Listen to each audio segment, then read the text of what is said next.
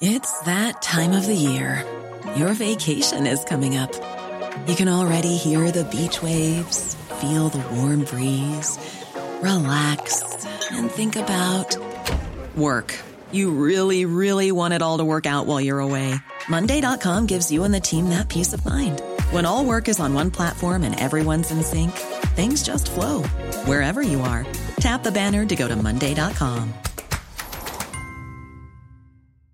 Treat mom to healthy, glowing skin with Osea's limited edition skincare sets. Osea has been making clean, seaweed infused products for nearly 30 years. Their Golden Glow body set includes three clinically proven bestsellers for smooth, glowing skin, while the Glow and Go facial set provides spa level results at home. Both sets come in giftable boxes with savings up to $48 and free shipping for a limited time. For 10% off your first order site wide, go to OSEAMalibu.com and use code MOM.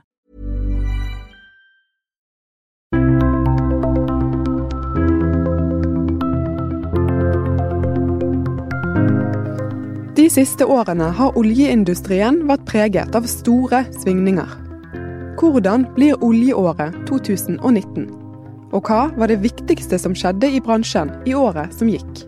I denne spesialepisoden av Det vi lever av gir jeg roret til min kollega Ola Myrseth. Han er journalist i Sysla i Stavanger, oljehovedstaden, og har fått med seg Kyrre Knutsen, sjeføkonom i SR Bank, og Hilde Øvrebekk, kommentator i Aftenbladet. Vær så god, Ola. Velkommen, Kyrre og Hilde. Takk. Tusen takk. Eh, Dagens episode skal jo først og fremst handle om året som ligger foran oss. Men jeg tenkte vi kunne begynne med å, å se tilbake litt på det året vi akkurat har lagt bak oss. Og Hilde, hva kommer du til å huske fra oljeåret 2018? Det jeg kommer til å huske best, tror jeg er at eh, det var, ble optimisme igjen i næringen eh, etter den lange oljekrisen som vi har vært igjennom med økte oljepriser, og, og at prosjektene kommer litt sånn lenger fram. Johan Sverdrup som kommer og har, har eh, stor framgang nå. Eh, Martin Linge, som òg er, et prosjekt som eh, Equinor jobber med framover nå. Så, eh, og folk får jobber igjen. eh, Folk eh, ser at eh, det er ikke bare nedtur lenger. Så, og i tillegg så syns jeg jo òg at det, det har vært året 2018 var året når oljebransjen begynte å snakke mer om klima. Eh, og de tiltakene der, og Equinor som skifta navnet eh, og la fram et veikart for eh, klimatiltak. Og med ONS, hvor det ble snakket veldig mye om eh, klima, ny teknologi, at eh, oljebransjen skal òg være med som energibransje i tiden framover. Vi kommer sikkert tilbake til flere av de momentene etter hvert. Men Kyrre, hvordan vil du oppsummere fjoråret i, i bransjen? Um, det var et veldig spennende år, eh, og kort fortalt, så eh, som Hilde sa, så er det, det er, i, historiebøkene så vil det stå 2018, året der nedgang ble til oppgang. Eh, det var òg et år når vi satt her for ett år siden og snakket om hva vi trodde, så sa vi at nå er det en ganske et stort omslag på gang. Oljenedgang i ferd med å gå til oljeoppgang. Og det ble et ganske kraftfullt omslag, og bare i oljefylket Rogaland så ble det i løpet av den perioden som vi har vært igjennom, eh, ja, halvannet år skapt 14 000 nye arbeidsplasser. Det er 6% Så vi kan nesten ikke overdrive den betydningen den snuoperasjonen for eh, Olje-Norge og den regionen som vi er tyngst i. Eh, Det andre det var at vi, vi sa det kom til, at vi trodde det kom til å skje, og det er faktisk litt kjekt å se òg. Vi var ganske tidlig ute i barometeret, for vi spør hva bedriftene tenker tolv måneder fram. Og den enkle analysen vet du, helt inntil høsten 2017 var at olja kommer ikke tilbake igjen i 2018 fordi at det blir ikke noe veldig mye økt aktivitet. Og når vi ser tilbake på 2018, så var det ikke så veldig mye større aktivitet. Siste tall for Oljedirektoratet er at samla aktivitet på norsk sokkel den steg med 2% i 2018. Det er ingen bonanza. Men mange selskaper har ansatt mye folk, fått mye økt aktivitet, og mange ansatte. Hvordan henger det sammen? Jo, litt sånn så eh, Hilde var inne på at man får en bredere forretningsmodell, flere bein å stå på. Man er ikke så avhengig av kun olje og gass. Og så man bredda òg innenfor olje og gass, Så de som tidligere var spissa gjerne mot ett segment eller én kunde på norsk sokkel, de har blitt bredere på norsk sokkel, blitt bredere i utlandet. Så det er mange krefter som slo inn samtidig, og det er derfor den snuoperasjonen har skjedd. Og det, veldig mange jeg snakket med høsten 2017 trodde aldri 2018 kom til å bli sånn som det faktisk blir. At det skulle snu, ja, eller, eller fladde ut, ja det trodde mange på. Men det var nesten et sideveis år for aktiviteten på norsk sokkel, så vi må ha det i mente når vi snakker om 2018 òg. Mm. 2018 var altså året hvor det snudde. Da kan vi gå over til året vi nå er kommet inn i 2019. og Kyrre, du var inne på at dere eh, har dette årlige eh, konjunkturbarometeret deres. og Det har du akkurat publisert nå i forrige uke. Hva viser prognosene nå? Er, mm, alltid så er det jo spenning selv. Altså det har vært spenning hele veien her, for det var en kraftig nedgang. Når flater det ut, når snur det, og hvordan, hvor lenge varer oppgangen. Derfor er vi veldig spente når vi nå pakter på dette her barometeret i, i romjula omtrent. Eh, og heldigvis er det sånn at eh, fortsatt er det stor framtidstro innenfor olje- og gasseksponerte bedrifter. Så de som har to tredjedeler mer omsetning mot olje og gass, det er det altså 75% som er positive som har tro på et godt 2019. Blant vanlige bedrifter så er det 59% sånn at det er bra for alle, men det er, det er på en måte et sånn ekstra gir inn i olje og gass. Og det tror jeg mange òg merker f.eks. i arbeidsmarkedet nå, så ser vi at det er igjen en migrasjon, eller igjen en flyt inn mot eh, olje- og gasseksponerte bedrifter, så det blir større kamp om arbeidskraften. Så vi har snudd litt på det. Det er jo veldig gledelig å, se igjen et arbeidsmarked som er i vekst, og særlig for den bransjen der 40 000-50 000 mennesker faktisk mista jobben i nedturen. Mm. Og Det betyr at det er vanskelig å finne arbeidskraft, og at man må, må til utlandet igjen og, og, for å finne den rette typen folk? Ja, det er flere og flere som jeg snakker med som sier at nå er det ikke flere ledige der ute. Vi ser det jo på arbeidsledigheten òg, den er jo kommet ned på et lavt nivå. Den er jo ca. 2,5 i, i vår region, som er det samme som i Norge. Og i sum da, så må det ut av landet. Det som ofte skjer, er jo at den bransjen som betaler best, eh, de eh, tar folk fra andre. Det har vi sett før, og det ser vi litt tendenser til igjen. Men i sum så må vi nok ha arbeidsinnvandring igjen. Det har vi hatt før. Det trodde mange heller ikke kom til å skje igjen. Eh, men her viser det at de økonomiske tyngdekreftene de virker sånn som de pleier å gjøre. Og jeg tror at Norge som land, vi framstår nok som en slags en, eh, om ikke en oase, så i hvert fall et stabilt land, politisk stabilt, i forhold til veldig mange andre eh, land rundt oss, der vi ser at eh, både med brexit og Italia og Frankrike at det er mye uro. Så jeg håper at vi kan, at vi kan tiltrekke oss og være attraktive nå i den internasjonale konkurransen om de flinkeste hovene. Mm. Oljedirektoratet kom med en del tall i forrige uke. Blant annet så sier de at de venter investeringer på 140 milliarder kroner på norsk sokkel i år, når du ser bort fra leting. I fjor var det samme tallet 125 milliarder. Hva betyr egentlig et sånt tall, eh, Kyrre? Um, det betyr jo uh, altså Hvis vi bare tar det, litt store bildet, den samla aktiviteten på norsk sokkel for at Én ting er investeringene, de svinger mye fra år til år, men den samla aktiviteten ligger an til å være 10 høyere i år enn i fjor. Akkurat på investeringene som du er inne på, så vil det være enda mer trøkk. Det er kanskje opp mot 15 tipper jeg. Så der, der vil jo, der, Da vil man si at den aktiviteten som bedriftene planlegger med nå, den, den, kommer. Og det er faktiske fysiske prosjekter, som Hilde var inne på, Sverdrup bl.a., men òg en god del andre prosjekter. Så det betyr at mange av selskapene òg har en fin ordrereserve. Eh, det vil si at det som ligger i ordreboka, det sikrer sikre prosjekter, det gir jobb for ganske mange. Og hvis du ser på verftene rundt omkring, så jo mange av de har jo virkelig oppmanna både nede i diverse deler av Aker-systemet, men òg andre verft. Så, så, vi ser at det er høy aktivitet, god ordrebok, i hvert fall inn i år, og kanskje òg litt inn i 2020. Hilde, når du ser framover, hva tror du kommer til å prege oljeåret 2019?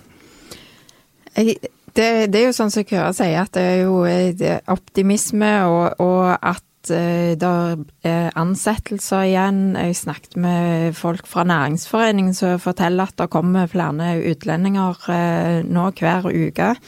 Men jeg tror òg at, at oljebransjen, som òg Equinor har sagt flere ganger, at de må passe seg litt nå.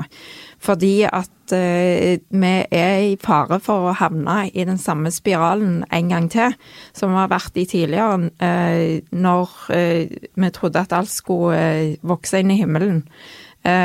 med at siden det er så få på arbeidsmarkedet at eh, vi da begynner den konkurransen om de beste hodene igjen, og begynner å konkurrere på lønn, og at kostnadene da kan komme opp igjen, sånn som det har gjort tidligere. Så sitter vi jo igjen med akkurat det samme. Eh, så jeg tror at, at oljebransjen må eh, være forsiktige og ikke eh, komme inn på det sporet igjen. Mm. Ja, Kyrre, nå har jo oljebransjen gjennom krisen snakket veldig med dette at vi skal unngå nettopp det Hilde sier, å komme tilbake i denne trenden med at kostnadene går til himmels. Hvor stor er faren for at den spiralen nå kommer? Um, altså først det, det som skjedde fra 2003 til 2014 har vi aldri noensinne tidligere sett i en råvarebransje at du har en oppgang. Altså På norsk sokkel så steg investeringen aktivitet med 307 uh, Sånn at da, på slutten så støvsugde man jo markedet for absolutt alt, for å sette det på spissen. Nå vi, har vi hatt 30, 35 nedgang de par siste årene. og Skrelte ut altså Dessverre så mange mista jobben den perioden. Nå går vi inn i en 10-15 oppgang i år, men hvis Oljedirektoratet har rett, så stabiliserer det seg allerede til neste år. Sånn at det er en veldig veldig annerledes situasjon. Så det forskjellen, forskjellen her er jo på en måte om de historiene om folk som blir tatt tilbake til oljevirksomheten. Hvor mange er det av de? Og jeg er nok litt mindre bekymra for at vi skal være i hvert fall tilbake igjen til der vi var. Rett og slett fordi at den aktivitetsveksten nå, den er ikke så massiv som det vi hadde i de årene fram til 2014. Vi er òg veldig tidlig fase. Det betyr at du har egentlig ganske høy produktivitet på de du tar inn. Husk at når du tar ned så mange ansatte, så øker produktiviteten vanvittig på de som er igjen. Og det er mange gode eksempler på hva bedriftene har gjort, tatt ned kostnadsnivået. Med altså Saker Solutions så er du allerede ned 35% skal ned 5% i året de par neste årene. Da har du halvert kostnadene sine. Så, men jeg, selvfølgelig, det blir kamp om arbeidskraften rett og slett fordi at når bedriften inngår kontrakter på å levere noe, og det er jo der Oljevirksomheten er jo nokså langsiktig, egentlig. sant? Prosjektene på norsk sokkel går over mange år. Da har de en forpliktelse. Da må de gjøre den på den best mulige måte. Og da må du ha flinke folk. Så mens jeg har òg hørt sånn ganske litt sånn spesielle eksempler nå med at uh, mange vegrer seg jo litt for å gå tilbake igjen til bransjen, fordi at det har svingt så mye, og hva er jobbsikkerheten? Så det hører òg litt sånn rykte om at de tilbyr nå ikke bare liksom ok lønn, men òg at uh, det er en kontrakt som går over flere år, gjerne en femårskontrakt eller syv eller ti år, som da matches mot den ordren eller den, det prosjektet som, som, det selskapet skal levere mot en kunde. Så det, det er kamp om arbeidskraften, absolutt, men i makro så er det, er det nokså langt igjen til der vi var da, i hvert fall i 2012, eh, 13 og 14. Når jeg sjøl tenker på, på, oljeåret 2019, så er det jo spesielt et prosjekt som uh, kom i tanken, og det er Johan Sverdrup-feltet. Det ble jo funnet i 2010 og 2011 og har egentlig prega norsk oljebransje på mange måter siden det. Eh, og i år er året hvor det først skal komme i produksjon. Jeg tror det er i november det planen er foreløpig. Eh, Hilde, hva har Johan Sverdrup betydd for norsk oljebransje? Det har jo betydd utrolig mye, fordi at eh, akkurat på den tiden hvor det ble funnet, så, så var det jo var det ingen sto, sånne store funn. Og dette her er jo helt spesielt, for det er jo sånn Det er jo et funn som er sånn som så de gammeldagse funnene fra 70-80-tallet. Eh, og som gir eh, billig olje, lett, altså lett å få opp, og, og da mye av det. Så dette prosjektet kommer jo til å bety veldig mye eh, framover. Men, men, så er det jo snakk om eh, Det snakkes jo hele veien om at eh, de andre funnene på norsk sokkel er for små. Eh, at vi er nødt til å finne et nytt sånn et stort funn. Ikke akkurat i den størrelsen, men at de små funnene vil ikke være nok framover til å erstatte den oljen som vi har. Så det, det, hvis vi ikke finner noe innen 2025, eh, noe litt større, så kommer det til å gå nedover ganske kraftig, ifølge Equinor. Mm. Og tall fra Rystad Energy de sier at hvis det ikke kommer nye storfunn, så kan uh, produksjonen på norsk sokkel halveres fra 2025 til 2040, altså på 15 år. Og Et annet poeng der er jo at uh, etter Johan Sverdrup og Johan Castberg nå, så er det ingen store utbyggingsprosjekter på gang, og, og det er jo veldig viktig for leverandørnæringen at det er, er, er prosjekter å jobbe med. Eh, Kyrre, hva har Johan Sverdrup betydd for at eh, oljebransjen har kommet seg såpass bra gjennom denne krisen som de faktisk gjorde? Eller at det ikke ble verre? Ja, det er klart. Det, det, du har sjelden hatt en så perfekt match med at uh, aktiviteten kom akkurat når du trengte det som mest. Hvis du, hvis du tenker at uh, du har ikke lyst, eller du har lyst til å dempe de svingningene. Svingningen ble jo ganske stor uansett. Som, som sagt, bare på norsk sokkel så falt vi altså 35 i aktivitet. 40 000-50 000 mista jobben, men mange flere visstnok ville nok ha mista jobben hvis det ikke var for, for Sverdrup. Så, og så er det òg sånn at jeg tenker òg for produsentene, altså Equinor som er store, og de andre, at det å kunne få jobbe med det prosjektet i en sånn periode må nok ha gitt ganske mye læring. Sant? Det ble funnet i en tid der det var, og, og modna i en tid der det var veldig høy aktivitet. Og så kan du jo se hva som har skjedd på kostnadssiden. De har vel gått fra 120 milliarder i kostnad kanskje ned mot 80, eller noe sånt som det. Så de, jo, de får jo mer for pengene, de òg, og kan ha brukt det, det store signalprosjektet på mange måter til å både vise at det er aktivitet, men òg hvordan vi jobber med forbedring sammen med underleverandørene. For det er klart at du har gått fra en, fra en Du går jo litt sånn fra grøftekant til grøftekant på et vis i, i bransjen, hvis svingningene blir store eh, fra bånn gass til, til full stopp. Eh, og det som jeg har inntrykk av nå har skjedd i løpet av den siste nedgangen, er at man liksom har man møtes mer om sammen og prøver å finne de gode løsningene. Kontrakter som gjør risikodeling og på en måte både oppside og nedside for begge parter. Eh, og, eh, og, det tror jeg er enormt viktig læring både for bransje, men òg å bruke over i andre bransjer.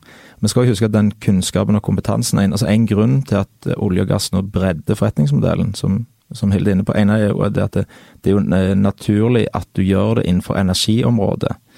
For det er jo en slags energileverandør. Men her er det jo mange òg som på en måte går utover det som går på energi, i hvert fall av underleverandørene. For den kunnskapen og kompetansen kan brukes andre steder. Og når kostnadsnivået kommer så mye ned, så skjer det fantastiske ting som at du blir konkurransedyktig inn i andre bransjer. Og Det er jo det som er enormt viktig nå når vi ser at allerede neste år, kanskje litt inn på 2020-tallet, at det ikke blir noe investeringsboom. Så er det viktig å ha de flere bein å stå på nå i overgangsperioden. Så Derfor følger vi veldig nøye med på hva det selskapet nå gjør når det går bedre i olje og gass i 2019. Vil man liksom forlate det sporet? Det jeg hører, er det man sier, det man prøver å gjøre, at man holder de sporene som har begynt med, som har vist seg å være levedyktige. Og så blir det mer fart i olje og gass, men da henter man inn ekstra kapasitet for å ta den. Men at man, liksom, man prøver å beholde flere bein å stå på. Men Køres, selv om krisen er over for mange, så er det jo fortsatt en del som sliter. Hvem er det først og fremst som fortsatt har det tøft?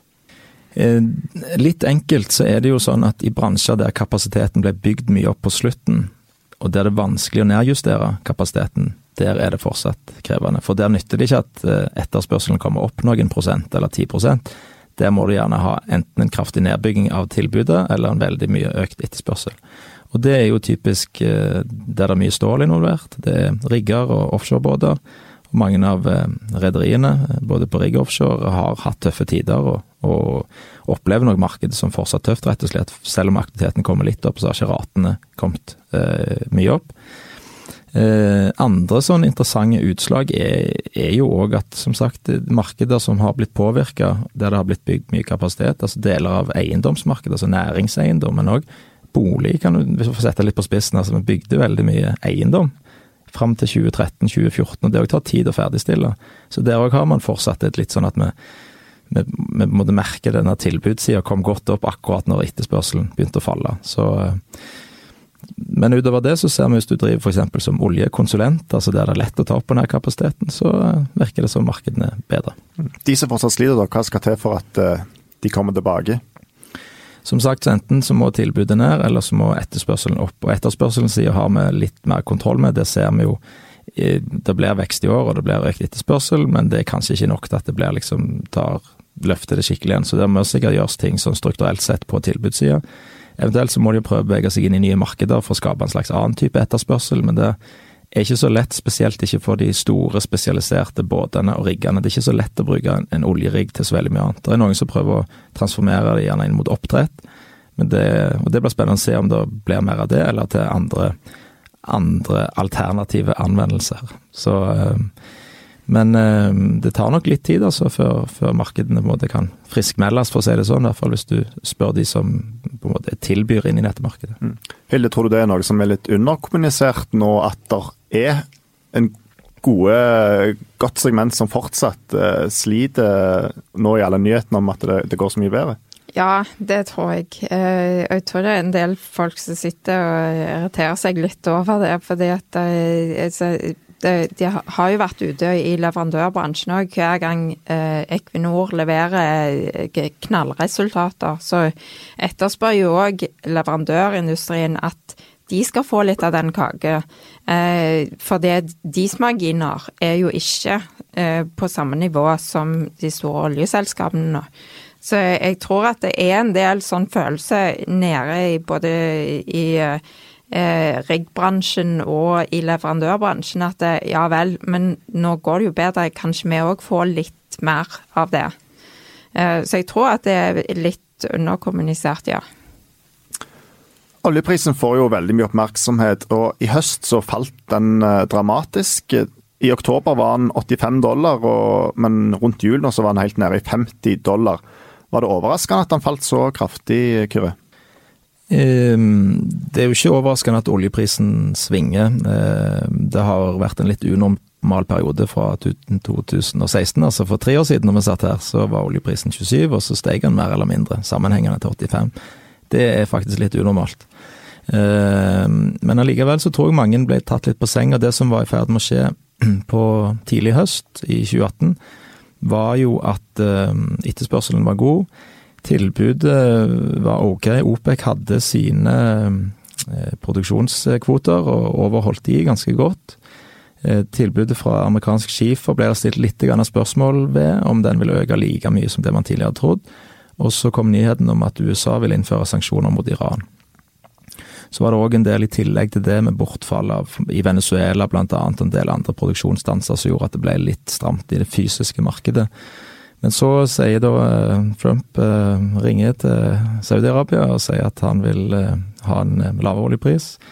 Han sier òg at mange land vil få unntak fra den sanksjonen mot Iran. Og så igjen ble det positive nyheter for amerikansk skifoljeproduksjon, og så ble det på etterspørselssida òg litt mer uro om hva det er som skjer i verden. Det er jo det som skjer rundt oss, både i Europa og USA, med handelskrigen eller uroen og sånt, brexit, det gjør jo at en del eh, har tatt ned sine vekstanslag for verden, altså olje, oljeetterspørselen i 2019.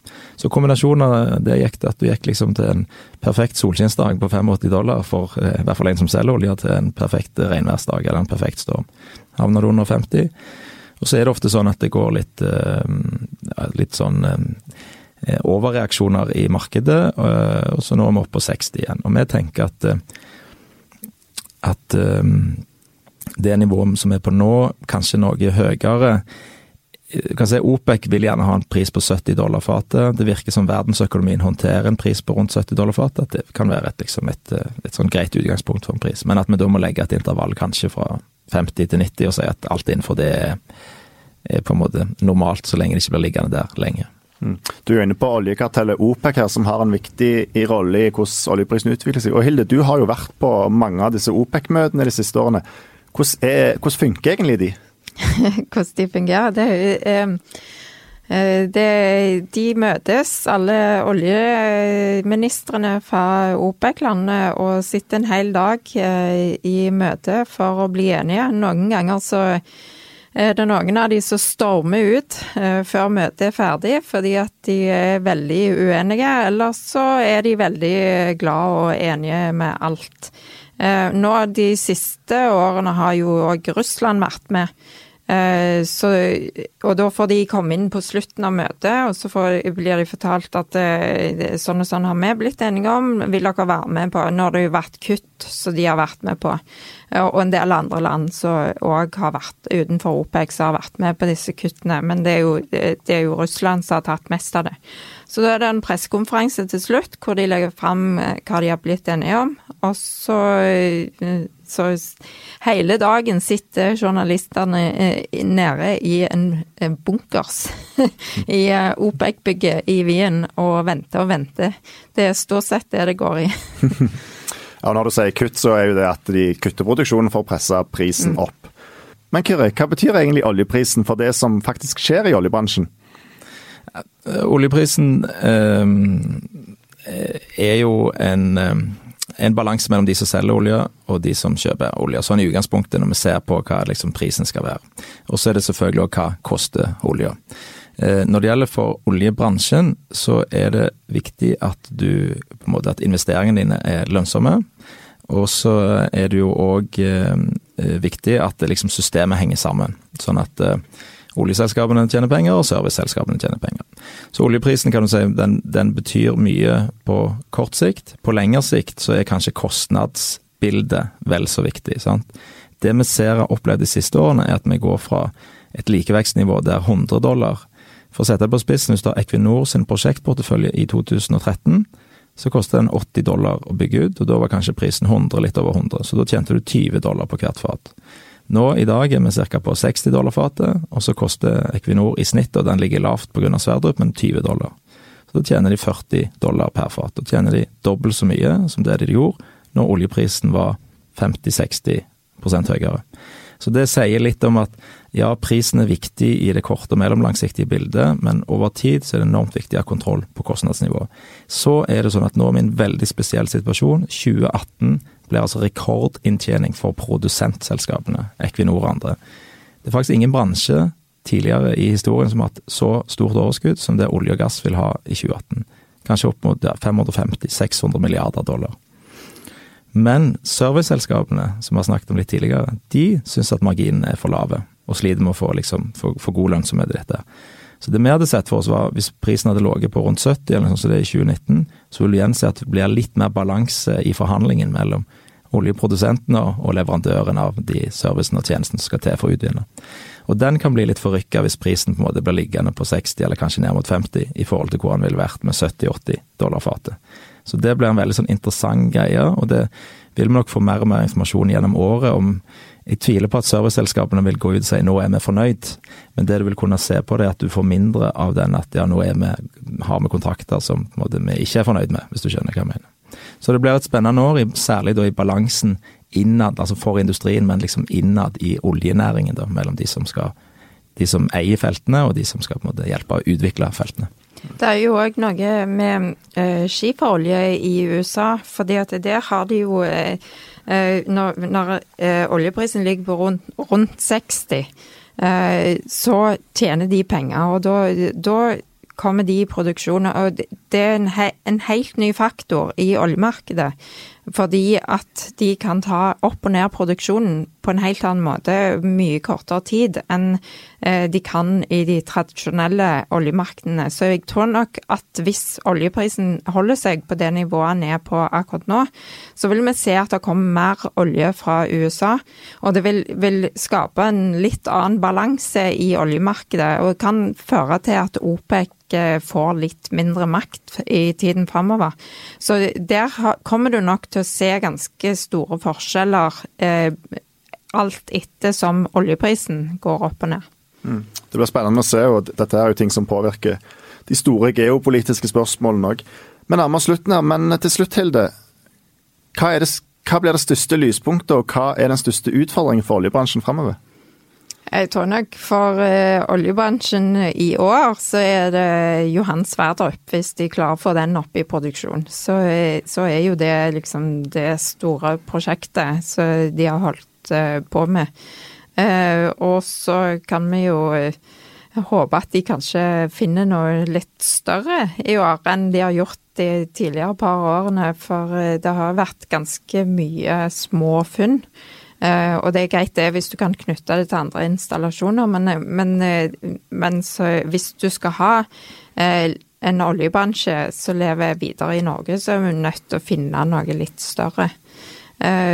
Og så tror jeg det blir, som han energibyråsjefen sa på ONS og òg seinere, at vi kommer til å se mye mer svingninger i eh, oljeprisen, og at eh, framtidsprisen kommer til å bli veldig mye mer usikker. Eh, og de la jo fram eh, Regjeringen eh, satte jo ned et klimarisikoutvalg som la fram en rapport eh, før jul. Eh, og i den rapporten så står det jo òg en del om de risikoene som oljebransjen her i Norge har framover med både hva vi skal gjøre for å hindre eh, at eh, klimaendringene påvirker oss, men det er jo òg går på oljebransjen, og, og spesielt knytta til sånne områder i Barentshavet f.eks. Hvor det blir dyrt å bygge ut. Er det noe som vi langsiktig vil tjene penger på. Eh, og det er jo et spørsmål som vil komme i årene framover. Det er det, og vi kunne snakket mye om, om klima og klimarisiko, men det tror jeg ikke vi får tid til i dag. Kyrre, samme spørsmål til deg helt til slutt. Kjapt, hva er den største utfordringen, og hva blir det største lyspunktet for oljebransjen nå? Hvis vi tar lyspunktet, så er det jo det at uh, nå går det oppover igjen i, i bransjen, og, og, man har fått ned kostnadene, og, og ikke minst òg i ferd med å bredde forretningsmodellen, sånn at du tar inn over deg en at verden kommer til å endre seg i årene som kommer, mer fornybar, og at man begynner å ta en posisjon der. Veldig spennende mye av det som Equinor gjør, både i forhold til vind, men òg brede energisystemer, samarbeid med Kina på CCS. Sånne ting tenker jeg er enormt viktige for å se at uh, vårt største energiselskap tilpasser seg, men det betyr òg at for underleverandørene så vil man òg kunne følge liksom, den største kunden over i nye markedet. Så det er både lyspunkt, gledelig, og, og godt rigga for fremtiden. Når det gjelder utfordringer, så tror jeg deler av utfordringen vil være å fortelle denne historien. For eh, hvis vi leser avisen nå i det siste, så er det veldig mange av ungdomspartiene som, som har lyst til å avvikle olje- og gassbransjen litt raskt. Eh, hvis du kombinerer det med at de blir voksne om noen år, og at vi ikke finner så mye på veien, så er det klart at eh, da kan du få en litt sånn rask nedbygging av, eh, av industrien. Eller egentlig av hele verdikjeden, eller raskere enn vi på en måte ser for oss nå. Som gjør at deler av den kompetansen som vi ser for oss kan vris over i andre næringer. Eh, at den eh, transformasjonen blir litt mer krevende. Så Ehm, jeg håper at vi klarer å, å, å, balansere dette her med at vi må vi skal ha olje og gass noen år til. Vi har det liksom fornybare perspektivet, eller framtidens perspektiv. Vi er over i en mer miljøvennlig verden. Men at vi klarer å gjøre den transformasjonen på en riktig måte. Vi har ganske mange dårlige eksempler i historien på sånne skift og sjokk som vi sånn regimemessig eller rammevilkårsmessig ikke har klart å gjøre uten at det har skapt mye støy. Og for de som husker 1920-tallet og 1930-tallet, så var det en sånn, skal ikke si en helt tilsvarende situasjon, men en historisk sammenheng. Det vi gjorde den gang med pengepolitikk, f.eks. Det vi òg gjorde med pengepolitikk på 1980-tallet, med en fast kronekurs som gjorde at renter ble veldig høye. Det var sånne ting som var enormt forstyrrende for økonomien. Så jeg håper at vi tar litt den lærdommen med oss, at tidligere så har det vært vanskelig å gjøre sånne transformasjoner hvis det blir litt sånn steile fronter på begge sider. Så, men jeg er jo som alltid en realistisk optimist, så jeg regner med at uh, vi er godt rigga for å klare det, men at det blir eh, krevende og utfordrende diskusjoner, og politiske diskusjoner ikke minst, det, det må vi nok regne med. Det må vi nok. Jeg tror vi lar det bli siste ord. Eh, takk for at dere var med, Kyrre og Hilde. Takk. Tusen takk. Vi er snart tilbake med en ny episode, om du vil sende innspill til podkasten. Så når du oss på podkast.sysla.no. Det er altså podkast med K. I denne episoden hørte du journalist i Sysla, Ola Myrseth. Produsent for podkasten er Henrik Svanevik. Jeg heter Sigrid Haaland. Tusen takk for at du hørte på.